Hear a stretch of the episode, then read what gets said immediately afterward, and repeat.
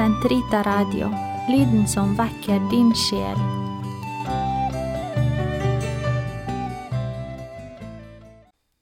I Faderens og Sønnens og Den hellige ånds navn. Amen.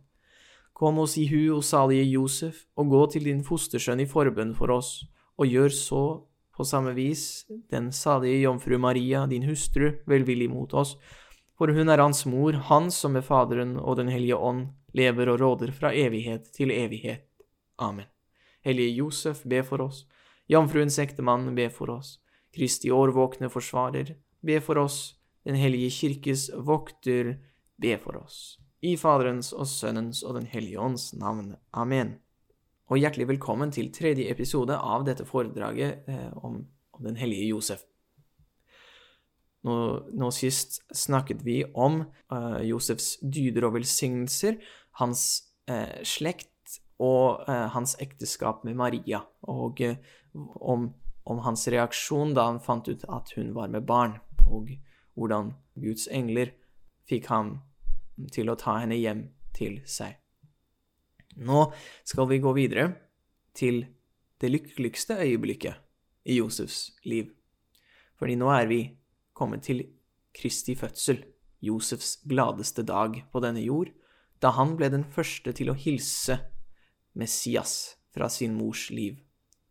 La oss ta et øyeblikk til å tenke over hans lykke, der han står og holder det vesle barnet i sine armer, den kongen han og hans fedre hadde blitt lovet, som de hadde bedt om i århundrer.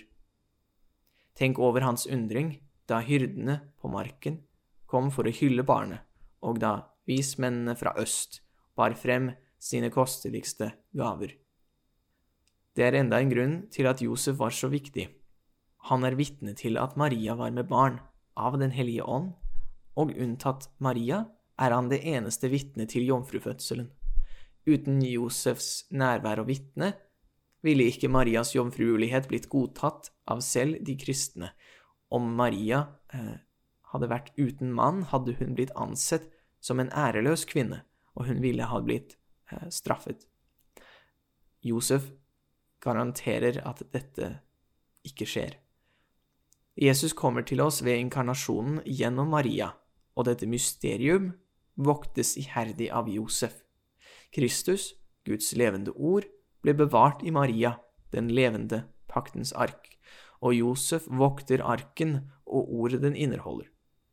Dette mysteriet er det største nest etter den hellige treenighet, så intet menneske kan være helligere enn det som er del av inkarnasjonsmysteriet, mysteriet om Gud og menneske forenet i personen Jesus Kristus. Kristus er selv det helligste av alle mennesker, Nest etter det er det mennesket som hans herlige legeme ble formet av, nemlig jomfru Maria, og nest etter det er det mennesket som skulle oppdra ham som sin sønn, nemlig Josef. Josef er altså ikke sidestilt, han er tvert imot så sentral at han blir nesten usynlig, så nært Kristusmysteriet at han blir skjult i det, slik en brennende fakkel ikke ser ut som den er tent når man holder den opp mot sollyset. Han overgår alle engler og alle helgener etter Jesus og Maria i salighet, i hellighet, i rettferd, i ydmykhet, i renhet, i mildhet og i kjærlighet. Etter å ha erfart en så stor glede over Kristi fødsel, og så over å se ham hyllet av Sankt Simeon og Sankta Anna i tempelet, ble han advart av engelen i drømme om at Herodes ville drepe barnet. Da vismennene var dratt, viste Herrens engel seg for Josef og i en drøm og sa, Stå opp, ta barnet og moren med deg og flykt til Egypt, og bli der til jeg sier fra, for Herodes kommer til å lete etter barnet for å drepe det. Han sto da opp, tok barnet og moren og dro samme natt av sted til Egypt, og ble der til Herodes var død. Slik skulle det ordet oppfylles som Herren har talt ved profeten. Fra Egypt kalte jeg min sønn. Legg merke til Josefs lydighet. Han venter ikke engang til daggry, han drar samme natt. Josef viser seg her verdig sin tittel som Kristi defensor sedole, som vi bruker i Josefs litanie. Det vil si Kristi årvåkne forsvarer. Han kan sies å ha reddet Frelseren, og nest etter Marias fiat er det ingen annen menneskehandling som har vært tettere forbundet med frelsesverket. Og siden kirken er Kristi mystiske legeme, og Josef er Kristi vokter, er han også den katolske kirkes vokter og forsvarer. Som faren, faren i Den hellige familie var Maria og Jesus underordnet ham, enn om de overgikk ham i nåde hos Gud. På ham stolte de, og ham adlød de i alt, slik han adlød Gud i alt. Den hellige familie er den perfekte familie, og vi har mye å lære av dem. At faren er familiens og sin hustrus overhode, er omtrent det mest upopulære man kan si i vår tid, men det er fordi verden tror at autoritet betyr undertrykkelse, og at lydighet betyr slaveri, mens vi vet at autoritet betyr tjeneste i kjærlighet, og at lydighet til Gud gjennom de autoritetene han har satt på plass, er det som setter oss fri. Men vi må videre. Med samme øyeblikkelige lydighet som da han dro til Egypt, bryter Josef opp fra Egypt når engelen befaler ham, og bosetter seg med Maria og Jesus i Nasaret. Nå er det på tide å snakke litt om Josefs forhold til Jesus.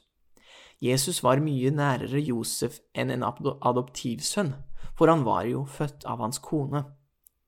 Han kom som den jomfruelige frukten av Marias og Josefs jomfruelige ekteskap, og sto Josef like nær som om han hadde vært hans naturlige avkom.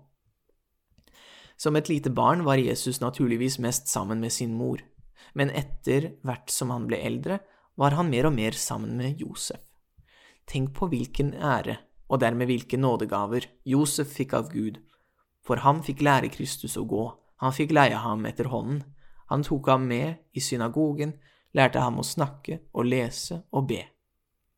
Kristus var sannelig Gud og visste alle disse tingene godt, men han ønsket i sin uendelige ydmykhet å gjemme sin allmakt i et hjelpeløst lite guttebarn og det var til Josef sammen med sin hustru at det ble gitt å oppdra ham.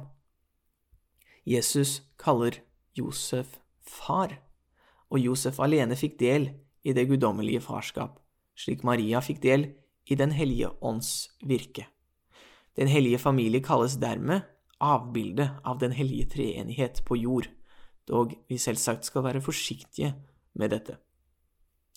Josefs privilegium er enestående ordet blir blitt kjød, ville lære av Josef hvordan å ordlegge seg, hvordan man skal forholde seg til andre mennesker og til gudstjenesten. Jesus har utvilsomt en personlighet som er dypt påvirket av Josef og Maria, og derfor skjønner vi hvor stor en nåde Gud utstyrte dem med. De var forutbestemt fra all evighet av til å motta og forsørge den guddommelige visdom i sitt virke på jorden. Josef lærte opp Jesus så han ble sterk. Han forberedte ham så han kunne bære korsets pine og frelse hele verden. Jesus' selvoppofrelse, mildhet og tålmodighet ser vi i Josef. Pave Frans skrev i brevet Patris Corde, som annonserte Josefs år, at han tenker seg at Josef var Jesu inspirasjon da han fortalte lignelsen om den barmhjertige faren som tar imot sin sønn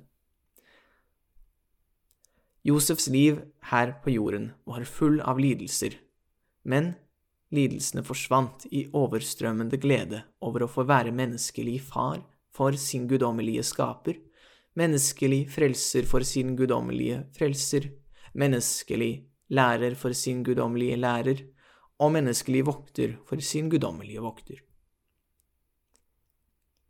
Vi vet ikke hvor lenge Josef levde med Jesus og Maria på denne jord men vi vet at han døde den lykkelige død som enhver kristen lengter etter, omgitt av Jesus og Maria, og overøst med omsorg og bønn fra dem. Han døde tilfreds og uten bekymring eller sorg. På sitt dødsleie kalte han til seg sin sønn, og med tårevåte øyne ga han ham sin velsignelse, slik alle patriarkene hadde gjort med sine førstefødte og han ba ham ta vare på sin mor.